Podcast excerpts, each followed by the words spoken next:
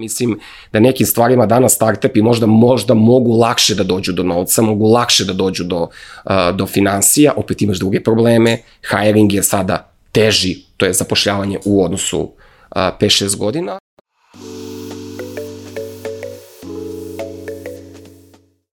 Poštovani slušalci i gledalci, dobrodošli u novu epizodu netokracijenog Office Talks podcasta. Moje ime je Marko Mudrinić. A, moj današnji gost je Željko Bošnjak, digitalac, marketar, nesuđeni psiholog, kako piše na, na njegovom blogu, osnivač startupa Byte Bell, agencije Elect Digital, predavač na Molin Akademiji i generalno neko sa kim rado razgovaram o biznisu, o korisničkom iskustvu, s kim komentarišem aktualne teme. Željko, dobrodošao. Hvala ti na, na pozivu i meni je zadovoljstvo što sam deo današnjeg podcasta. Evo da sedem konačno i da pričamo u podcast, da se ne dopisujemo samo preko Whatsappa ili, da, ili preko da. Twittera.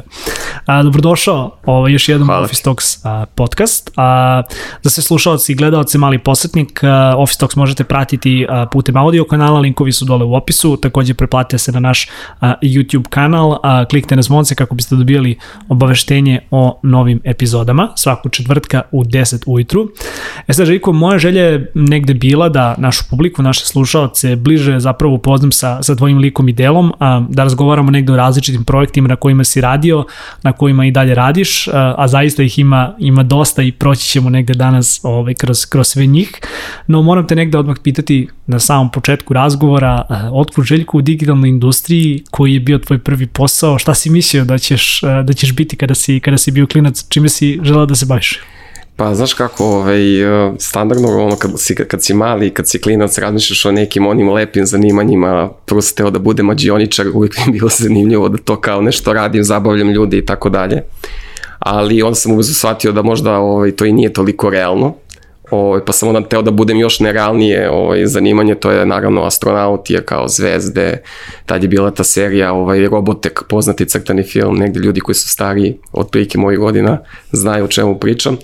Ovaj, naravno, pošto je to u tom trenutku nije bilo toliko, ovaj, toliko realno, Generalno volao sam da pišem dosta, ali to pisanje je nekako došlo tek srednja škola, fakultet i vrlo, vrlo spontano. Jako nisam nešto mnogo volao da čitam i generalno da, da, da, da, da se bavim knjigama, osim onoga što, je, što si mogao u osnovnoj i, i srednjoj, volao sam nekako da pišem i tako sam krenuo potpuno slučajno. Naravno, to pisanje se vezalo za dve moje, verovatno danas i najveće pasije, to su ovi filmovi i serije s jedne strane, s druge strane hrana. Moram reći da je danas hrana malo ipak dominantnija u odnosu na, na filmove i na serije, ali tako sam krenuo i to je bilo vrlo neki onako honorarni posao. Meni nije oduzimao previše mnogo vremena, a negde sam mogao sebe da iskažem možda kroz neku pisanu reč.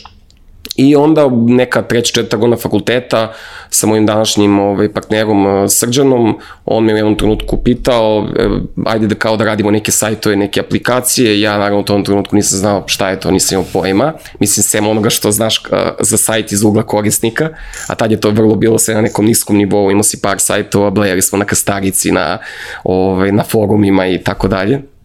I onda smo krenuli i, i tadašnji digital, da kažem te 2008. 9. je bio više produkcija u smislu javi se neko od klijenata, treba mi aplikacija, treba mi sajt, tad su bile popularne te touchscreen aplikacije, tablet aplikacije, dalje tablet, to je iPad bio neverovatno popularna stvar ovaj, one devojke koje su iše kroz grad i nosile one tablete, hostesi i tako dalje i onda smo krenuli da radimo to i za mene to bilo super, imao sam neki, neku veštinu sa fakulteta u smislu project managementa da možeš da organizuješ ljude, po prirodi sam ekstrovertan i onda si mogao, čak i da ne znaš, nekako si to mogao da sakriješ u početku, a da projekat se na kraju završi da sve bude da sve bude ok. Tako da to su bili neki ovaj, početci, uglavnom te, ajde da kažemo 2008. 2009. klasična produkcija, proizvodnja ovaj, različitih aplikacija i, i, i sajtova. Da.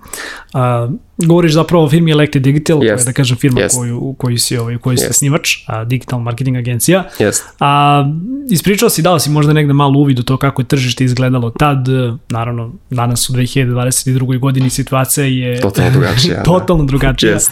Za jedno 360 stepeni pa više puta pa, se ovaj, bih, da, rekao da. bih da sam više puta ovaj, učestvo u tom obrtanju igrice, ovaj, ali dobro, super, tako i treba da bude. Mislim. Jedna od redkih industrija gde na svakih par godina imaš onako hard reset. Jest, tako da, jest, da. jest, jest.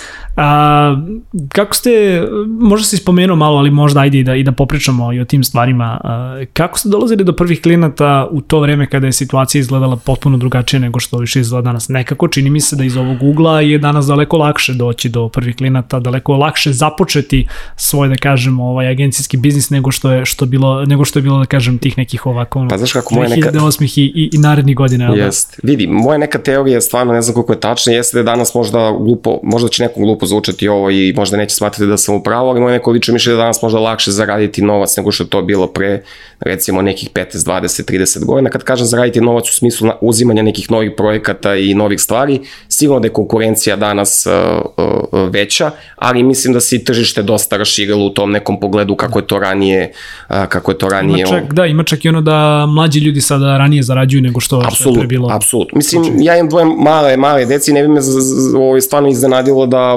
moj Alex i Lenko u jednom trenutku sa 13, 14, 15 godina budu imali prvi džeparac. Ja sam svoje prve noce zaradio sa, ne znam, 21, 22 godina, ako ne računam preko leta, branje malina i tih nekih stvari. O, ja vidim da i ljudi to računaju, aj kažem, ako to ne računam, stvarno prve formalne pare sam zaradio sa ono 21, 22 godine. Danas klinici to rade dosta ranije i nisu oni možda ništa sposobni ili manje sposobni od nas, nego jednostavno su prilike takve da stvarno sada možeš da zaradiš lakše lakše ovaj novac, posebno ako si recimo danas to svi vidimo kreator nekog sadržaja koji je i ole, ovaj, i ole zanimljiv.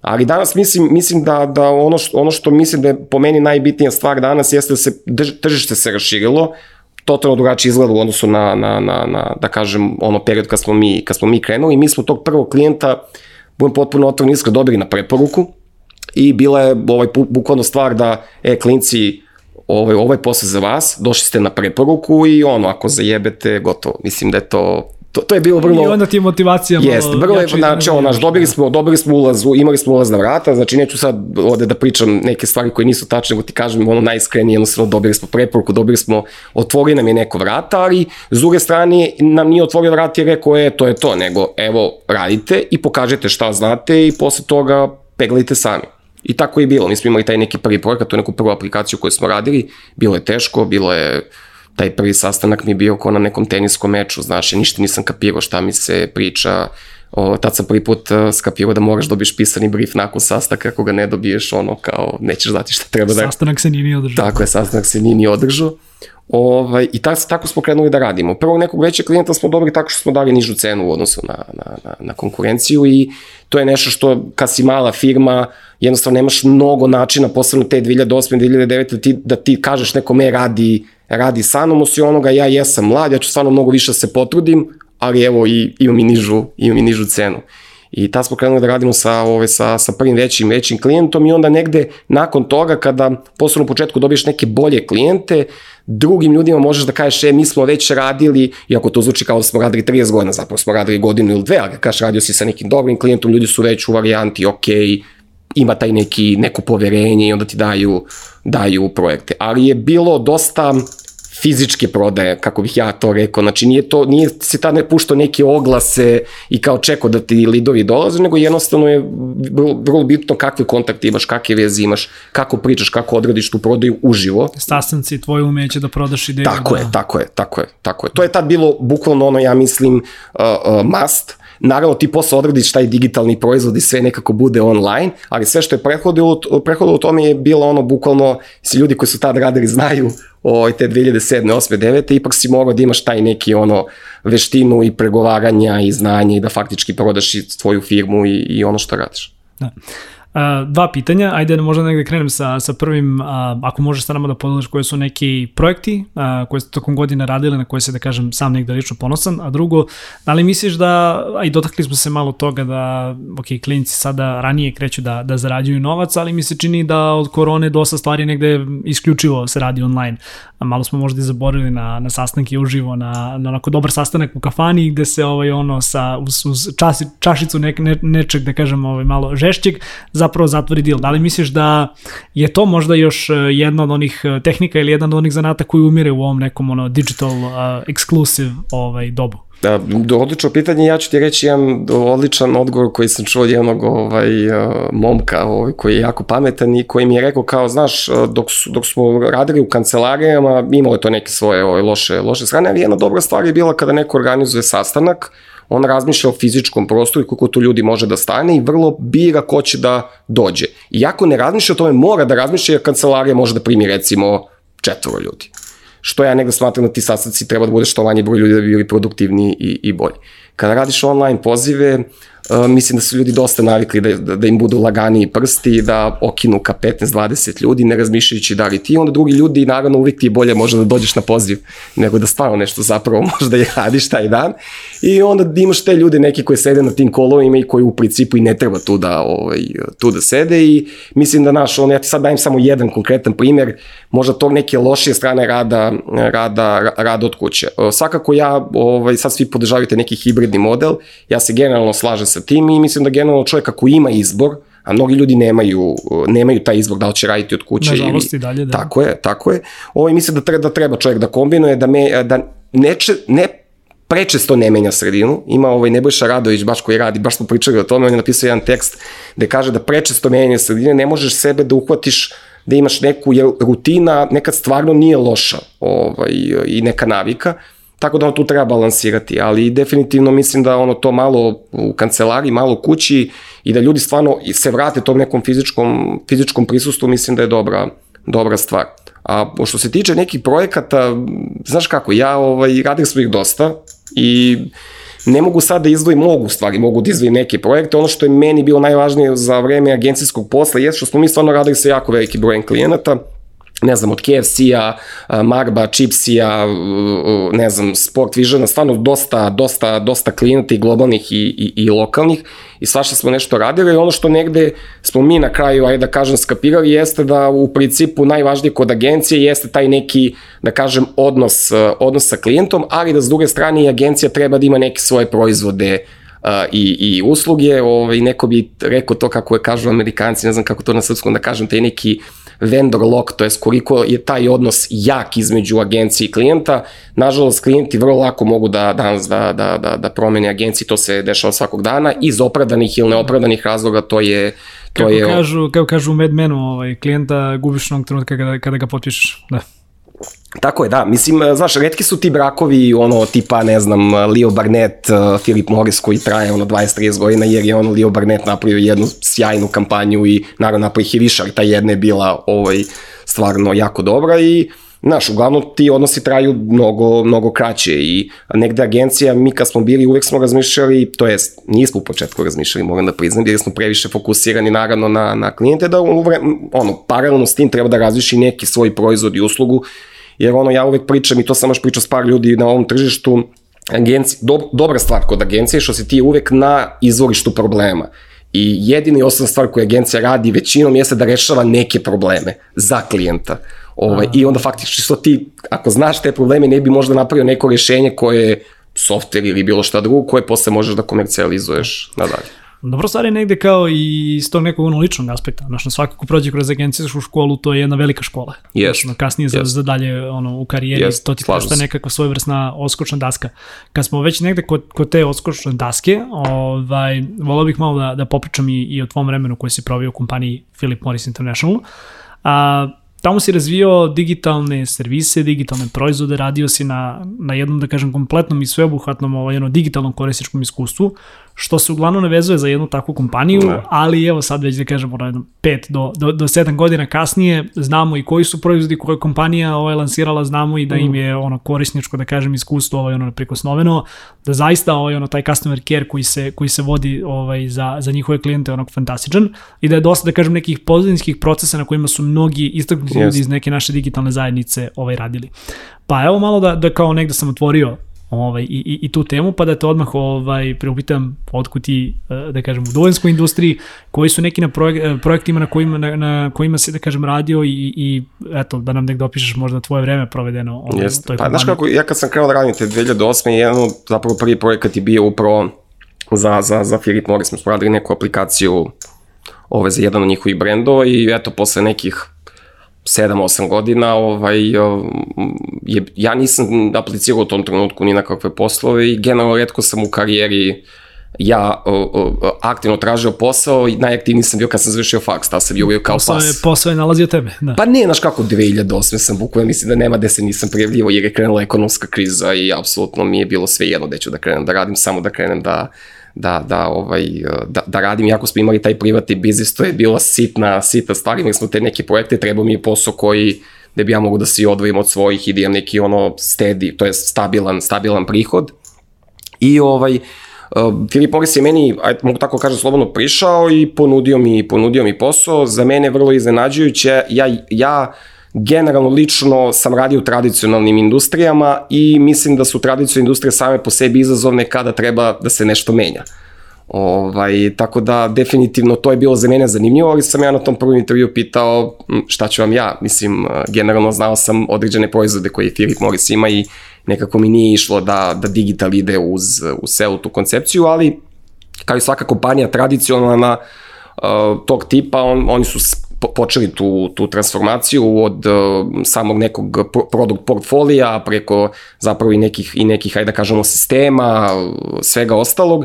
I meni je bilo zanimljivo da ja totalno iz neke druge dimenzije pređem u, korporat, u korporaciju gde nisam baš bio siguran da je to za mene u tom trenutku, ali uz pričanje sa ljudima i uvijek mi je značilo da podelim svoje neko mišljenje s drugim ljudima koji su pametni od mene pa da me oni posavetuju, sam na kraju odlučio da, da, da pređem i stvarno je bilo teško u početku, moram da priznam.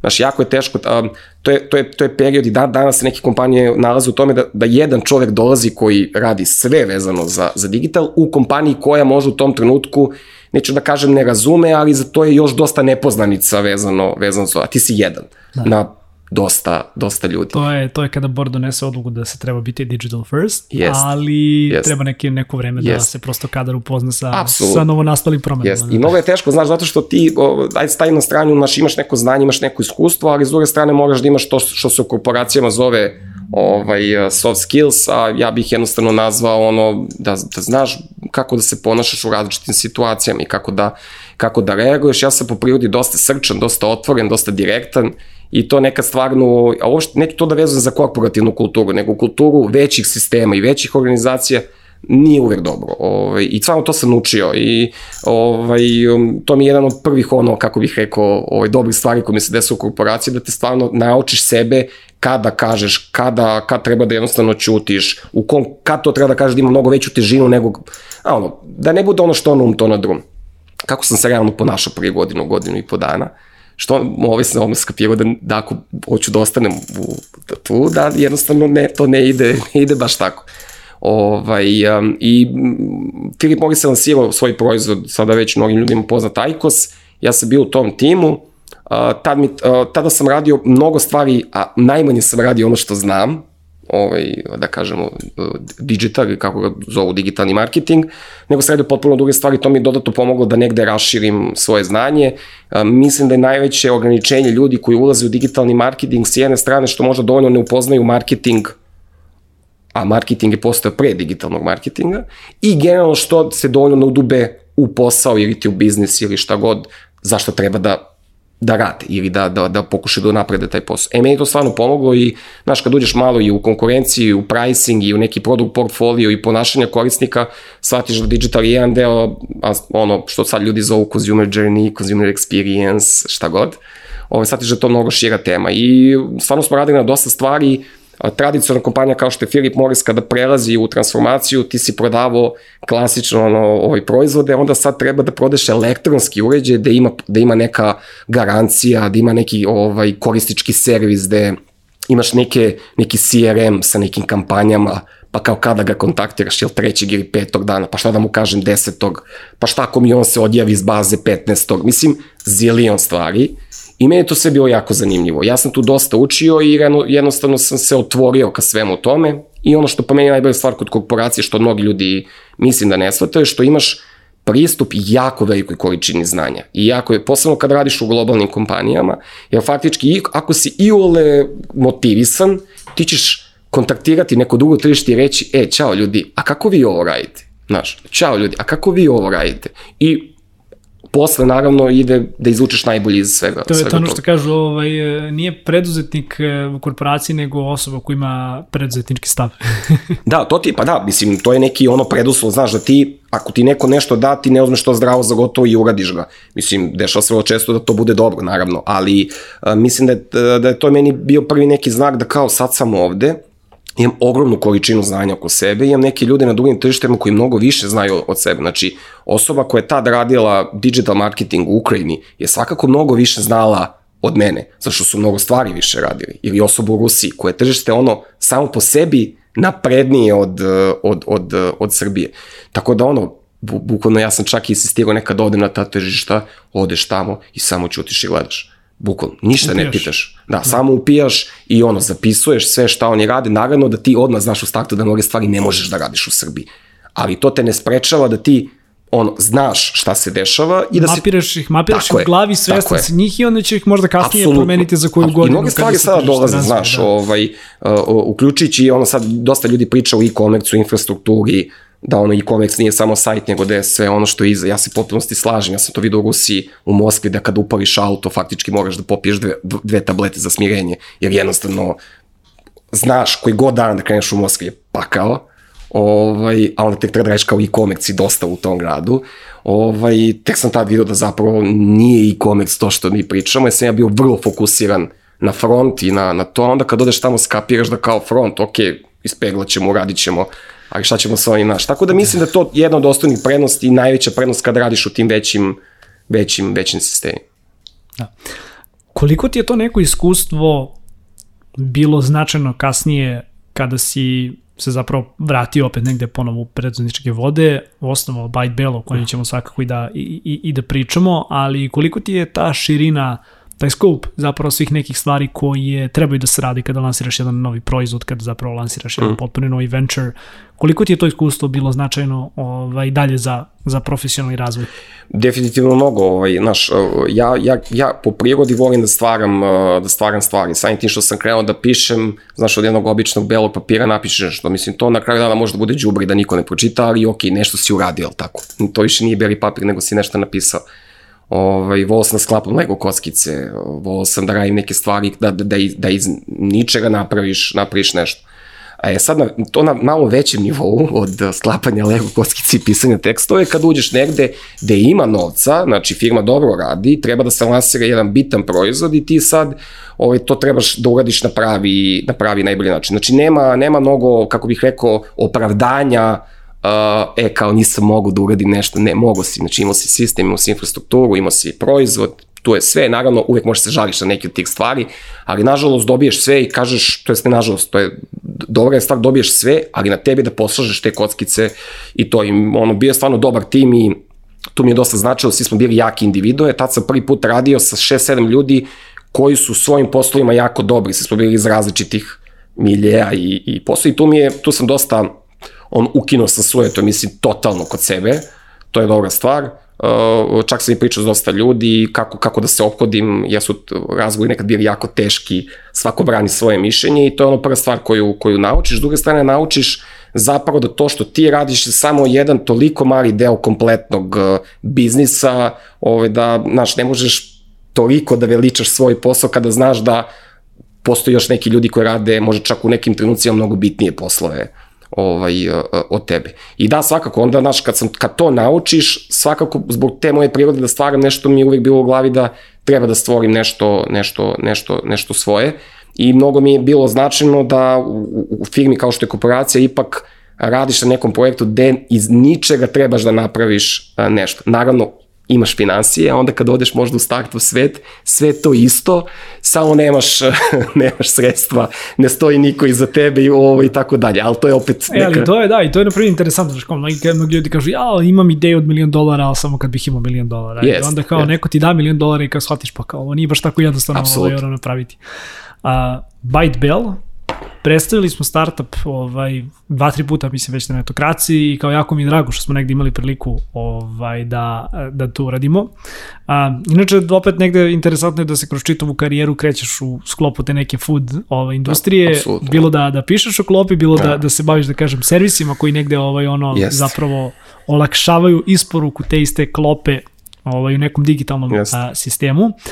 A, kako ste ti i tvoji osnivači došli na ideju da pokrenete jedan uh, food startup, to je food tech startup, i hajde može malo za naše slušalce ili gledalce koji se do sada nisu upoznali ovaj, sa, sa ByteBillom, ali su možda koristili vašu tehnologiju, a čime se startup bavi i kako ste uopšte došli na ideju da, da osnovete? Pa da, ovaj, generalno i u tom trenutku kad sam bio u korporaciji, mi smo Mislim, ja sam sve vreme i to su ljudi kod mene, ovaj, kad sam radio u Philip Morrisu znali, ja sam sve vreme radio nešto privatno i nešto, ja sam tako i došao u korporaciju, jednostavno bio sam potpuno otvoren, transparentan i tako dalje. I jednostavno takav sam tip, ovaj, to me, i to apsolutno nije moj, metalo moj posao u Philip Morrisu, ja sam ja sve vreme radio na nekim na nekim stvarima i mi smo pre nekih možda dve ili tri godine lansirali to što se zove danas, aj mogu da ga kažem virtual, virtual food brand, neko bi rekao cloud kitchen, ali ono prostim rečnikom rečeno, lansirali smo ovaj, hranu koja može isključivo da se poruči putem dostave. Znači vi ste lansirali restoran, to otvorili ste restoran u koji ne može se sedne. Tako je, tako je, koji ne može se sedne, što je bilo dosta sulu do tog februara 2020. godine, ali to mi mnogo ljudi pita jeste znali, ja kažem nismo znali, 6. marta je zabeležen prvi zvanični slučaj ovaj, COVID-a u, u, u Srbiji i a, a, ovaj, moji drugari su meni prišli rekli, brate, da li moguće da si znao za ovo? Rekao, ljudi, nisam stvarno, da li izgleda čovjek sa cega kako i tu bleje u kraju treba da zna šta se dešava na, na svetu? Naravno ne.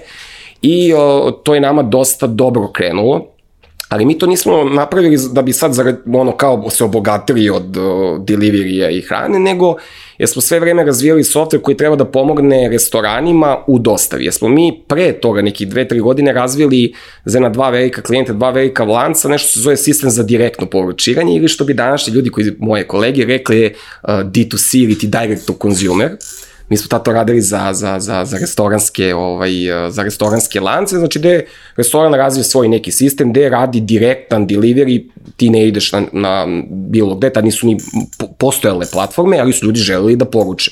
Neki lanci nisu teli da ih zovu na telefon, naravno, i onda su zapravo teli da to negde digitalizuju, ajde, ako tako mogu da kažem. Aplikacije, poručivanje jest, slično, da. Jest, E sad, e, mi kad smo to radili, mi smo videli dosta, je ti kao korisnik kad poručuješ hranu, ti samo vidiš kad ti hrana stigne, što je potpuno fajn i potpuno okej, okay, i naravno tu gledaš da li je došlo to što si poručio, da li je to sve kako treba, ako si rekao da ti nestave krastavac u buri, da li to krastavaca stvarno nema.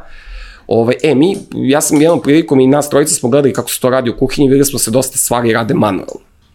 Što je nama u principu bilo s jedne strane razumljivo. Koje su to stvari moramo da Pa evo, naš, recimo danas ti kad poručiš hranu, ti si ono, Marko Mudrinić, sediš u, svo, na, na, na, u svojoj kući i poručiš recimo, ne znam, burgere iz nekog poznatog burger lanca i kada poručbina dođe na Volt ili Glovo i na te uređaje koje se nalaze ovaj, u restoranu, svaki restoran će gledati tu poručbinu na jednom od tih uređaja. Zapravo imaju to ti, na primjer, evo, imaš tri, tri sistema dosta, imaš tri odvojena tableta. Tako da. je, tako je. Ti imaš tri neka uređaja i onda ti gledaš taj tablet i onda sa druge strane kreneš da prekucavaš račun, uh, račun poručbinu, tu poručbinu. Da. To stvar dodatno kreće da se komplikuje kada, a to ljudi sve više i više vole, da krenu da customizuju neko kastomizuje zbog a, alergija i zbog određe stvari koje ne može da jede, neko jednostavno je malo... Ovaj, da, ne voli da jede povrće. Ne, da. tako je, da, neko je jednostavno naporan, tipa iseckajte mi sitno, iseckajte ovo, uradite ovo. Zaista ima i takvih? Apsolutno, Aj, apsolutno, da. veruj mi, nećeš verovati kakve sve napomene ovaj, dolaze. Mislim da ovaj, da, da mnogi ljudi koji se bave ti poslom znaju, znaju o čemu se, o čemu se radi i ti sad ono to sve ručno da prekucaš i ta poruka pošto su se i restorane umeđu vremenu digitalizovali, više nema ono dranja preko, preko kase, nego ta poruka ide direktno na neki displej u kuhinju.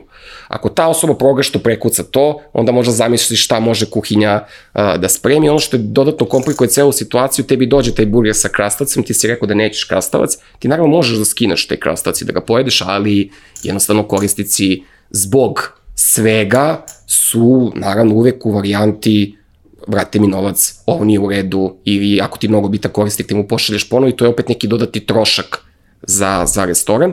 E, mi smo to negde digitalizovali manje više, to je automatizovali na način da kad neko pritisne na tabletu, ovaj, ide direktno na, na, na kasu i nema više tog ručnog prekucavanja. Dodatno je taj problem što, pričali smo o tome ti i ja, danas je jako teško naći ljude generalno za posao, ovaj, u smislu naći kvalitete ljude, a to je poseban problem u gostiteljstvu. Uh, jednostavno nema, nema ljudi. Ovaj, u IT-u je to malo drugačiji problem. Ima ljudi, ali, ali ih je problem platiti, a ovde isti problem, samo drugi ugao problema, a, a, ovaj, nema ljudi. Znači, jednostavno, ne, nema, ko, nema, ko, nema ko da radi. I onda ta ušteda vremena isto bitna ovaj, restoranima. Tako da to je neki bio naš prvi korak. Rekao si nekoliko tableta, mi to pokušavamo sad sve da sumiramo na jedan uređaj. I pravimo još neke funkcionalnosti, jer smo umeđu vremenu u radu sa restoranima, u radu na svom brendu takođe videli dodatne probleme koji se, koji se dešavaju. Zato smo mi i napravili taj jedan razlog zašto smo napravili naš brend hrane, da jako je teško da praviš neko rešenje ako nisi u tom biznisu. Mislim, moguće je, ali je naravno teže. Ovaj, e, nama je to super što smo konstantno u tome i iskreno da budem sve nove stvari testiramo Da. Moram, da, da. moram odmah da te pitam, ali ovo je više da bi prosto čuli i tu priču ovde, ovde ispričanu, ali znači, po, po, pokrenuli ste brend koji se bavi meksičkom klopom, koji zapravo ovaj, je meksički restoran, ali samo bez, bez ovog dela da sedneš u restoran i da klopaš. Yes. A, odluka da pokrenete meksičku klopu nije došla samo zato što se nenormalni fanovi meksičke klope, već je ona bila, da kažem, negde proračunata. Uh, sa strane da u tom trenutku nije bilo toliko, da kažemo, ono, Mexican brendova u Beogradu, u Srbiji, kasnije ste još jedan mm. brend pokrenuli, a opet, to se sve negde svodi na kao, ima si dosta iskustva iz ono, korporacije, yes. iz tog yes. digitala, gde si kao umeo da čitaš podatke, umeo da čitaš te neke inpute da. i da na osnovu tih inputa dođeš do, do nečega što, što je tvoj proizvod. Apsolutno, do, mislim, dobro pitanje je generalno, mi smo zapravo prvo lansirali haveske salate ovaj, e, takozvani poke, ovaj, i to smo lansirali zato što smo krenuli da pričamo s ljudima. Jedno stvari koje sam naučio i posle te naravno uči u startup svetu, ali to sam naučio u korporaciji, jako mi to da pričaš sa korisnicima, ovaj, ali da znaš i kako da pričaš. Znači, ovaj, ja sam čitao tu knjigu Mamin test koja je kao neki defaultna knjiga koju treba da pročitaš vrlo kratka, ali jako dobra da ono, nikad ne treba da pitaš svoju mamu za mišljenje, nego treba da pričaš s ljudima koje ne znaš, koji su tvoja ciljna grupa i koji apsolutno nemaju opterećenja da ti kažu da je tvoj proizvod bez veze. Jednostavno, kao, brat, ovo ne valja. A zašto ne? Pa ne valja zbog toga, toga i toga. To je najvrednija informacija koju možeš da dobiješ. Mi smo ustanovili da tržište hrane je dosta jednolično u, u, Beogradu, nema neke velike uh, diverzifikacije. Pizza, pljaskavica, burgeri. Tako je, ako pogledaš u poslednje dve, tri godine, jako velika ekspanzija inostranih brendova. Ja sam bio na jednom webinaru gde sam čuo jednu devojku koja je rekla da za vreme korone psihički ljudi, pošto nisu mogli da putuju, jedini način da dolaze, jedan način da dolaze u dodir s drugim zemljama je bio i naručivanje internacionalne kuhinje. I to ti je ta posles koju ti ne vidiš i ne razumeš, ali te tera da radiš Beograd određeno. Da, Beograd je, mislim, ovo je samo mala digresija, ali ovaj, Beograd je baš slabašan kad je u pitanju neka internacionalna kuhinja. Ili ja možda samo nisam toliko upućen. Ali ajde, evo govorimo sad nije, o delivery. Sad nije, govorimo baš ne, neću da branim, neću da branim da. ovaj, uh, food, food scenu u, u Beogradu, ali stvarno mislim da je, da je dobra. Da, fali kuhinje, ako si vegan, verovatno i dalje imaš problem da ovaj, baš nađeš restorani, ali sad ima restoran. I ti restorani, veruj mi, jako dobro rade, jako su dobro ovaj, popunjeni. Mislim da je bolja situacija nego što je bila pre 4-5 godina i to je nešto što, eh, što ono što smo pričali na početku razvoja, stvarno se težište raširilo i drago mi je da, da dolazi do, da taj dobar deo globalizacije dolazi a, ovaj, i kod nas i zato smo mi na kraju odlučili havarske salate da naručimo. U priči smo videli da će nas poručivati žene jednostavno i to se na kraju ispostavilo kao, kao tačna stvar. Žene po prirode stvari vole da eksperimentišu, vole da probaju nove stvari, nisu rezervisane za jednu. Opet light i klopa nije... Tako je, tako nije je. kalorična preterano, da.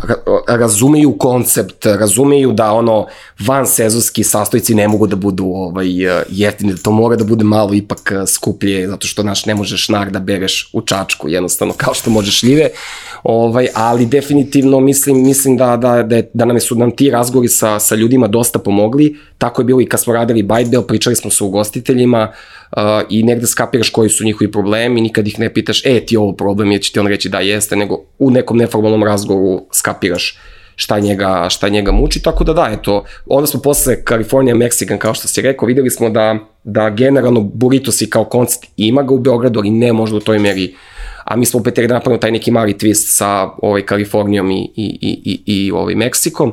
Tako da, znaš, ono, to je, sve ide, ovaj, to je nama dosta značilo u smislu da provežbamo i mi istraživanje tržišta, priču sa korisnicima, lansiranje proizvoda, opet, znaš, ti mi lansirali prvi put, lansirali food brand, nemaš pojma ništa o tome. Mislim, da ću ti jedan primjer, ono, lansirali smo food brand, nismo imali pića, mislim, znaš, kako bi ti rekao, ono, to god da je došlo da bi bio ile profil, rekao bi nam ljudi, ovo je baš ono, znaš, kao lansirali ste sajt, ne znam, di ste ga indesirali na Google, kao kako vam se to desilo. Na. Ali ovaj, onda, naš, tako u nekim pričama skapiraš da, ovaj, da, da, da te stvari se uči, da je to potpuno normalno i svaki problem koji može brzo se reši nije, nije problem ako se opet naravno uči, uči na, na, na vreme. Na vreme, da. E sad, što se tiče Byte Bella, ovaj, ostićemo negde svakog i u opisu ovog videa, ali i u audio fajlu ovaj, link do našeg poslednjeg ovaj, članka. Mislim da smo radili, ako se uh -huh, yes, i, da. i, i svakako veću priču predstavljamo. Hvala vama na najavljanju i na ekskluzivi. A, možda da popričamo malo i o tome ko su klijenti na kojim tržištima trenutno poslujete. Vi ste primili ovu investiciju od ICT Huba, možda nas negde ono malo uh, i update još po pitanju toga, ono, da li zapošljavate, da li imate neke nove pozicije koji su neki ono, naredni, naredni planovi za Byte Bell? Da, mi, mi smo ono stvarno mlada, mlada, mlada firma i sad da ne pričam da smo firma, startup, jednostavno kratko, kratko postojimo. Mislim, zvanično nekih godina i po dana, ali realno komercijalizacija proizvode krenula pre nekih desetak meseci. A, trenutno ovaj, smo mi najaktivniji naravno ovaj, na, svom, na, na svom tržištu, to je, to je ovaj, Srbija koja je po prirodi stvari jedno od jačih tržišta u ovom regionu što se tiče naše, naše branše krećemo sada Bosnu, dobili smo neke prve, prve klijente, Crna Gora ovaj, takođe i plan nam je stvarno da ovaj, u nekom narednom periodu kako bude bila i dinamika investicija, to će uslovljeno je jedno sa drugim, mi ćemo se širiti na druga, na druga tržišta. Definitivno da, ovaj, dobili smo, stvarno, ovaj, dobili smo tu prvu investiciju ICT Hub-a koja nam je mnogo značila, tad iskreno ovaj, nismo imali nešto mnogo da, da, da pokažemo, imali smo nešto, ali ovaj, stvarno ICT Hub negde prepoznao, mislim u toj fazi kada vam neko daje novac, mislim da se pre svega prepozna tim, manje ono, ono, ono, ono što radiš, jer nema tu mnogo, mislim, nema tu mnogo mesa, Ovaj, I nakon toga smo aplicirali za grant inovacijonog fonda, ovaj, to je opet, uh, su nas edukovali u, u, u ICT Hubu, to je neka dobra stvar da ne dobiješ samo neki novac, nego dobiješ i ono što se zove neki ono mentorship i neke informacije gde možeš da apliciraš za, za, za, za, za novac, što stvarno ima mesta i mislim da je to dobra, dobra stvar, posebno za tehnološke startupe. I nakon toga, eto sad, ne mogu još da kažem, ali ovaj, smo u fazi uh, zatvaranja uh, seed, uh, seed investicije koje će nam naravno omogućiti širenje na neka druga tržišta, ovaj, što, ali to ne znači dalje imamo mnogo posla u Srbiji, iskreno ja sam radio u Filip Morrisu, to jeste tradicionalno tržište, veruj mi, ugostiteljstvo je može čak i još tradicionalnije i verujem da neki deo i treba da ostanu tradicionalni, ovo što si rekao... Ovaj, da sklopimo dilu u kafanu. Tako je, tako je, i to je nešto zbog čega ja volim objekte, volim, volim Beograd zbog tih stvari, ali definitivno neke stvari mogu da se unaprede i da to najviše pomogne pre svega ugostiteljima. Uh, mi kad smo pravili taj software, ti da bi prodao software neki, jednostavno prva i prvoshodna stvar ugostitelj mora da skapira da, meni ovo treba. Jer to nisu veliki sistemi kao korporacije koje će možda nekad platiti nešto što im ne treba, ovaj, za razliku od manjih sistema koji vrlo su izbirljivi kada, kada biraju svoj proizvod i ako to uspeš njima da, da prodaš i oni skapiraju da im treba, onda znaš da si na nekom pravom pravom, pravom putu. Tako da do sad stvarno super, mi radimo stvarno sa velikim lancima, poverenje su nam ukazali naravno prvo veliki, jer su oni negde, možda ajde da kažemo ti early adopteri, kako se to kaže na, na, na lepom engleskom jeziku, a na, na našem neki, neki prvi ljudi koji prepoznaju te neke stvari i osjećaju te probleme. I tako, širimo se, mislim da za sada to ide, ide dobro, mi bi naravno uvijek hteli da ide brže, najbrže moguće, ovaj, ali dobro. Eto, ovaj, ono što, ček, što nas očekuje u narednom periodu jeste sigurno zapošljavanje, što je opet jedan, koliko je lepa stvar, to je koji jedan od velikih izazova s kojim se mi ovaj, suočavamo kao mala firma i kao firma koja možda ne može da ponudi u tom nekom finansijskom smislu ovaj, ljudima, ali mi smo do sad hajrovali dobro, moram da priznam, i, i to je najbitnije, zato što ti neki prvi ljudi koje smo doveli, nas svega sad ima šest, ovaj, um, od toga pola ko, ko foundera, ovaj, tako da, znaš, mi, te ljude koje prve dovodiš stvarno ne možeš da pogrešiš, to je ne smiješ da pogrešiš i mislim da smo to za sad stvarno jako dobro, jako dobro uradili. Čestitke, a onda mogu samo da očekujem da ćemo vesti o novoj investiciji nego gaviti na netokraciji. Jeste, jeste. Definitivno mi očekujemo u narednim nedeljama da to bude ovaj, i ozvanično. Znaš, znaš koja je adresa, tako da absolut, očekujem da nam se, absolut, da nam se Apsolutno. A dao si mi negde možda i uvod u ovo što ćete odmah posle ovog uh -huh. dela pitati, obzirom da se često toko nekada dopisujemo o nekim aktualnim i da ne kažem akutnim problemima yes. ovaj, domaće yes. scene, bilo yes. da je u pitanju digitalna scena yes. ili da je u pitanju generalno IT Absolut. scena. Ovaj, imamo i neke, da kažemo, razgovore koji su možda, koji malo nisu ovako, da kažem, za, za, za kameru u smislu ovaj, ono, otvorenijeg komentarisanja pa, mislim, dešavanja. Da, da. da. Ali e, spomenuo si da je danas izuzetno, izuzetno teško regrutovati ljude, mislim, opet radiš i u digitalu, radiš i u IT-u, negde si na preseku svih tih industrija i svi se suočavaju sa problemom manjka kadra. A, yes. vidimo sada i, i, i taj neki novi trend koji se dešava u svetu gde velike IT kompanije polako usporavaju svoje mm. planove za, za regrutovanje, ali vidimo da se isto to ne dešava u Srbiji na ovim nekim lokalnim tržištima, jer je radna snaga i op, opet daleko priuštivija mm. nego što je to na mm. zapadu. I onda kao, znaš, kao sve neke velike kompanije polako ili su došle ovde ili polako dolaze ili imaju sada i ubrzane mm. planove da dođu ovde. A, kako ti generalno gledaš na, na, na, na tu stvar? Mislim, naša scena se unutar pet godina razvila do mere da niko ne može da je prepozna. Just. I da, znaš, ono kao, nije više ni toliko lako imati startup u Srbiji kao što je bilo pre jedno pet godina. Pa znaš mislim, da, vidi, da se razumemo, ja mislim da nikad nije lako. Ovaj, nikad nije da, lako, da, nikad, ali je danas teže. Jest, jest, nikad nije lako praviti. Ma mislim, vidi, ovaj, pričam s drugarom pre neki dan, hoće da pravi neki fast food kod mene u kraju, mislim, nije ni to lako. Znaš, sad više nije problem da ono otvoriš kao lokal, nego problem da nađeš ko će da radi. Da. Ovaj, i, I stvarno mislim da, da svako ko se bavi privatnim poslom je jako, jako, jako teško. Pazi, 2008. kad sam ja završio faks, ja znam da, se da, je, da je, imao sam, sećam se intervju, to je testiranje za jednu praksu u jednoj velikoj domaćoj srpskoj firmi ovde i bilo je 2000 ljudi na, na, na, na tom testiranju, mislim da je čak možda bilo i više. Ovaj, tad je bilo bukvalno a, mnogo ljudi koji su tražili posao, i malo, malo posla. Krenula ekonomska kriza i mislim da su tad kompanije bile dosta ušuškane u smislu da su, mogu slobodno tako da kažem, lako dolazile do kadra i ako nisu lako dolazili imali su obilje izbora, mogu su možda nekad malo da se ponašaju i ne baš kako, kako, kako treba. E, sad mislim da je situacija potpuno ovaj, drugačija. Kad se ja završao fakultet, ti si uvijek imao 3, 4, 5 kompanija gde želiš da radiš. Danas mislim da mlađi ljudi jednostavno mu je manje više, neću da kažem nebitno, ali ne razmišlja o tome, već gleda koja kompanija može da mu da uslove, gde može da uči i tako dalje. Kod nas je pre bilo ono, znaš, imao si par kompanija, ono, wanna be there, ali mislim da je danas to potpuno drugačije. Šta to znači? To znači da danas stvarno je jako teško doći pre svega do kvalitetnog kadra i to što ne bi to da li neko junior, medior, senior, jednostavno jako je teško doći do, do ljudi. Različite industrije imaju isti problem, ali i ne isti problem. U smislu, ako opet se vraćam na ugostiteljstvo i na food, ljudi tamo imaju problem sa kadrima. Kada vlasti kaže imam problem sa kadrom, on uopšte ne može da nađe ljude. A s druge strane, kada u IT firmi kaže uh, ovaj, uh, ili startupu, ovaj, meni treba developer, developera možda i ima, ali recimo i nama iz ugla startupa je jako teško da ih platimo. To je vrlo jednostavna stvar. Posta, po, po, postavljeni su neki standardi jako visoki i meni je drago da uh, možda više i developeri se ne smatruju toliko jeftino u Srbiji kao što su bili pre 7-80 godina, stvarno mislim da, što bi rekao moj otac, ako će neko toliko da te plati, toliko i vrediš, uopšte nebitno šta drugi. Tržište je to koje Tako je, tržište je, tržište je tako regulisalo, tržište je tako rekao posebno ako to radi 10, 15, 20, 30 kompanija, a se onda postavlja pitanje kako male kompanije i kako mali startupi da dođu do jako kvalitetnih ljudi.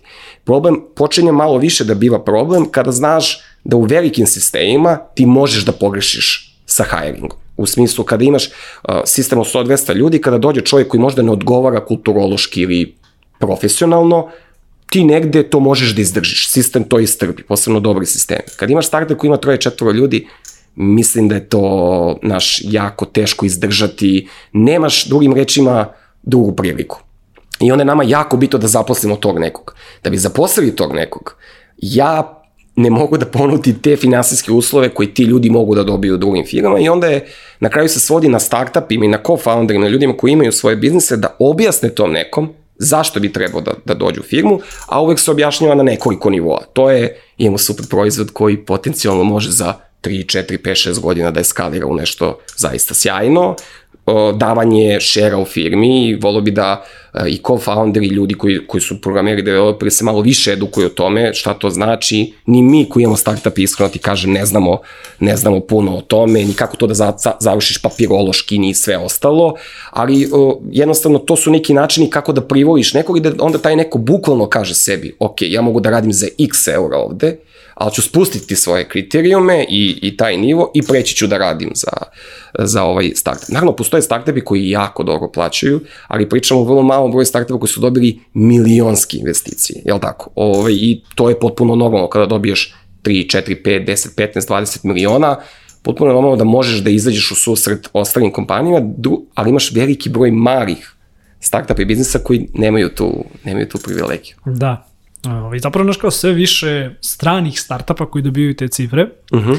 pa onda dolaze da regrutuju ovde, a mi, da. pitanje je gde mi možemo da idemo, naš tržište developera je sve manje i manje. Jeste, da, vidi, desila se jedna stvar, ne, ne smeš da, ne, po, po meni ne smemo da podcenimo spoljašnje faktore, nažalost krenuo ovaj rat u Ukrajini, Ovaj, Ukrajina je jedna od zemlja sa najvećim brojem uh, developera i programera u, u, u, u Evropi i poznata mnogo više od Srbije kao outsource ovaj, zemlja i shodno ovoj situaciji verujem da se taj pritisak na, na, na nalaženje novih developera još više ovaj, povećao. Verovatno mnogi ljudi iz Ukrajine ne mogu sada da rade svoj posao koji su radili pre toga.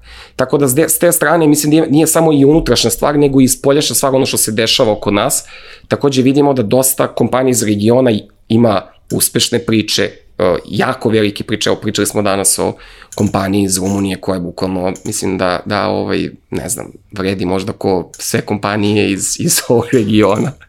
Ove, ovaj, što je meni, meni to su to stvarno sjajne stvari. Ja mnogo volim kada čujem da u regionu određena kompanija, evo vidio sam da je, da je Robin, da je Robin akvizirao jednu kompaniju, vi ste preneli. Mislim, pazi, ja, ja sad radim za korporaciju. Da. Sad, e, radim, sad radim za korporaciju koja ima ono status mnogo... jednoroga, pa moram i njih da spomenem. Vidi, da, da, da, apsolutno. Meni ali je to... fascinantno da, mislim, baš sam ono, bio na nekom webinaru, ovaj, ovaj, obzirom da evo, Infobip Shift, moramo ono shameless plug sada da ubacimo ovde Infobip Shift, jedna od najvećih developerskih konferencija koja se država u Zadru ove godine, koje organizuje ono, Infobip, firma koja je jel te kupila na integraciju. I imamo ne kažem neke planove ovaj za za afričko tržište, al kao znaš kao ok, nema, znaš svi kukuju, nema ovde developera.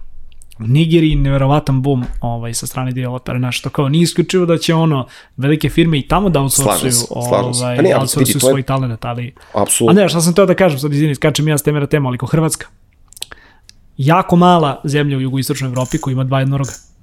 Da, da, apsolutno. Mislim, ako, ono... ako ti to nije ono against all odds, ne znam šta je. Jeste, de, definitivno više to možda nije izuzetak, ja, svi su pričali o Estoniji kao zemlji koja, i ja sam dugo razmišljao, bio sam u Estoniji i mnogo mi je drago što sam otišao tamo, imao sam priliku za to kratko vreme da, da, da razumem kako oni rade I onda razumeš da to, da to nije startup, to je ono od osnovne škole, ono kao da. bukvalno... A i znaš čeka se, još sećam sad kad si spomenuo ovaj, Estoniju, znaš, godinama, ok, radit će ovaj posao, izveštavajući o srpskoj ovaj, IT sceni, godinama smo se svi pitali, i to je bilo bezbroj novinarskih članaka, gde je naš Skype, gde je naš onedonog, i kao shvatiš kao ljudi, i odnorog se desi pa se desi, ali kao uspeh jedne zajednice leži u onim malim firmama koji uspevaju da svoje Jeste. proizvode ovaj, ono, pušu. Reći ti ovo stvar, mi uvek idemo od rezultata, ovaj, što bi rekao naš ovaj, košarkaš Nikola Jokić, mi nismo ljudi koji volimo košarku, mi volimo da pobeđujemo i to ti da. ovo sad što si ti, ovaj, kao gde su nam jednorozi, mislim, kao da je to ono kilo jabuka na pijaci, ovaj, a nije baš, nije baš tako. Uh, definitivno, pričali smo o tome, moje mišljenje je da stvarno od malih i srednjih firmi i to je, to su nas učili ono bukvalno u, A vidi, tako ti i svaka ekonomija. Apsolutno. Znači, backbone svake ekonomije su mali porodični Apsolutno. Biznisi. I meni je mnogo drago kada, kada posebno i velike kompanije i, i, i, i država i, ajde neću da kažem država, nego ću da kažem okruženje, ajde tako da ga nazovem. Znači da, da ne kažem ono kad spomeneš državu, odmah se ljudi vezuju, možda ne, ono, ali pričamo o okruženju kao takvom i to okruženje može da se sastoji iz velikih kompanija, uspešnih iz države kao takve, iz privatnih investitora, nebitna je stvar na kraju dana, biti da se pomogne malim i srednjim preduzećima, koje jednostavno ja već pričam, ja ni, mislim, pričam to već poslednjih 10-15 godina da radi u korporaciji, to meni potpuno ne, nejasno koliko se ljudi muče u tim malim i srednjim biznisima i ono što je najvažnija stvar, čak i biznisi koji dobro rade, ti vidiš da je njima jako, jako teško da održe taj, eh, taj, taj nivo. I, i stvarno očekujemo u nekom narednom periodu, ima mnogo inicijativa stvarno, ja to stvarno podržavam, očekujem da, da, da, da ne radimo nekako u nekim odvojenim uh, kolosecima, nego da za ovo malo tržište mislim da treba da ipak ima veća sinergija između svih tih inicijativa i, i, i kompanija koje pokušavaju to da rade. Ja stvarno verujem da Srbija ne može da bude, da imamo jednoroga za ono šest meseci, godinu dana, ali uopšte nije bitan taj jednorog koliko je bito da imamo tih, svih tih dobrih, malih i srednjih uh, firmi, jer ono utakmicu ne dobija, ne dobija samo ovaj, dobar igrač jedan da, ili dobija Jokić, i ostatak tima. Tako je, nego dobija i ostatak tima i na kraju i trener. Ovaj, tako da, Mislim, mislim da je to jako, jako bitna stvar. Ja bih volao da se, da se to nekako ima više sinergije, da vidim uh, veću, veću angažovanost na tom nekom ajde neću kažem centralizovan nivo, ali ono da ima stvarno veća sinergija a, mnogo je bolje nego što je bilo ranije, to si lepo rekao, apsolutno se slažem s tobom, mislim da nekim stvarima danas startupi možda, možda mogu lakše da dođu do novca, mogu lakše da dođu do, uh, do financija, opet imaš druge probleme, hiring je sada teži, to je zapošljavanje u odnosu 5-6 godina, ali znaš, ne može se da bude sjajno i niko ne očekuje da bude sjajno, ali mislim da treba da dođe veća, veća pomoć, razumevanje jeste tu, ali mislim da ono treba da bude brže sve, znaš, mislim da smo i dalje a, spori u mnogim, ovaj, u, u, mnogim, u mnogim stvarima, ali definitivno, definitivno se vidi napredak, to mora da se, da se prizna. To je jako lepo rečeno. Uh, sve negde za kraj, uh, prešli smo dosta dosta toga, ali bih voleo i da, da te pitam, Byte Bell je svakako nešto što trenutno zauzima ono, gro tvog radnog vremena, nešto na čemu aktivno radiš, ali gde bi lično volao da vidiš sebe za, za pet godina u tom nekom profesionalnom smislu, opet uh, istako sam negde na početku da si i, i predavač ovaj, jednoj akademiji koja se negde bavi digitalnom yes. marketingom, a da li vidiš sebe u toj ulozi više, koje su neke stvari koje bi volao da ostariš unutar tih nekih pet godina? Da, vidi, generalno posle dve stvari ljudi koji me znaju malo bolje znaju za mene jeste da ja volim, volim da jedem ovaj, i volim da pričam. To su dve stvari koje, ovaj, koje, koje su zasigurne kod mene. Ovaj, predavanje je došlo spontano, ja sam teo da ostanem asistent možda na fakultetu, bilo mi je zanimljivo, ali nisam bio realno dovoljno dobar, uh, uh, ja mislim pre svega student da bi mogo da da ostanem na, na nekoj od katedri. Ovaj, definitivno mi je predavanje, mogu slobodno da kažem sad dobro ide, ovaj, u smislu ja sam negde bio ubeđen u sebe da ću ja to dobro raditi, ali I onda kad sam pričao sa ljudima, pošto ti uvek naravno povratna informacija ili gde je takozvani feedback bitan. Da, i učenje veština. Jeste, dobio sam informaciju da ja to dobro radim, jednostavno, ovaj, ekstrovertan sam, mogu da se povežem sa ljudima, to neko moje znanje koje imam možda nije iskustvo veliko kao od nekih drugih ljudi, ali definitivno imam neka pragmatična znanja koje mogu da ovaj, prenesem. Ono što je po meni najbitnije, moja znanja su iskustvo dosta različite, se radi o različitim sistemima, znači danas je jedan startup, to i nije naša prva, prva privata firma, radio sam u korporaciji, pa čak i u državnoj firmi. Ovaj, tako da definitivno imam tog iskustva koje, naravno, ja to iskustvo uvek prelagodim i razumem kontekst kada nekom treba da, da, da, da, da preveca. Tako da definitivno vidim sebe možda u nekom, u nekom trenutku kao, kao predavača.